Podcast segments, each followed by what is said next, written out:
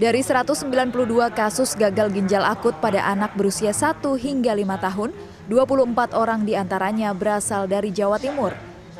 Data Ikatan Dokter Anak Indonesia atau IDAI Jawa Timur ini didapat berdasarkan jumlah pasien yang dirujuk ke Rumah Sakit Sutomo Surabaya dan Rumah Sakit Umum Daerah Saiful Anwar Malang.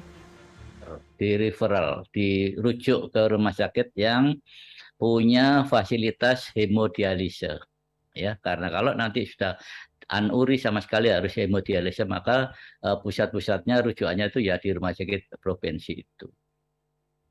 Di Jawa Timur ya uh, rujukannya di Malang rumah sakit Erfun Anwar dan Sutomo namun berbeda dengan IDAI, Dinas Kesehatan Surabaya melalui akun Instagram resminya mengklaim hingga 17 Oktober belum ada laporan tentang kasus gagal ginjal akut pada anak di Surabaya.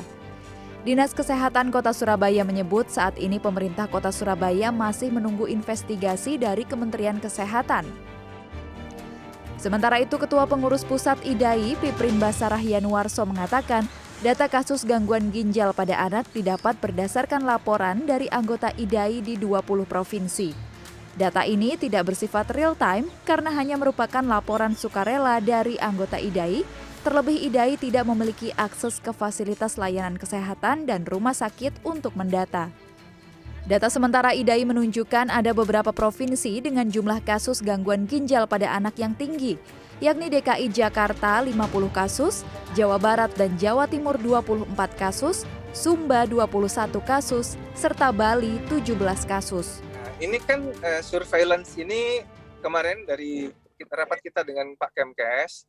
Ya, ya. Jadi yang surveillance itu nanti akan diambil alih oleh uh, Kemkes ya, karena tidak itu kan nggak bisa punya akses ke rumah sakit ke Fasienkes kita nggak punya akses yang punya akses ke Fasienkes kan memang Kemkes kan. Ikatan Dokter Anak Indonesia juga menyebut ada kendala dalam penanganan kasus gagal ginjal pada anak, yakni tidak seluruh rumah sakit mempunyai alat cuci darah atau hemodialisa. Itu juga akan disetting untuk mengeluarkan sejumlah cairan tertentu sehingga nanti akan tercapai kembali keseimbangan cairan maupun ureum kreatininnya menjadi turun gitu. Nah, itulah namun kesulitannya memang karena yang dikerjakan uh, dialisis ini HD ini adalah anak kecil, tidak semua tempat uh, bisa mengerjakan. Saat ini penyebab penyakit gagal ginjal akut pada anak masih dalam penelitian. Namun masyarakat diimbau untuk selalu memantau kondisi anak saat terjangkit sakit. Khususnya dengan gejala demam lebih dari tujuh hari, diare dan batuk pilek apalagi jika anak mengalami penurunan jumlah urin. Tim Liputan CNN Indonesia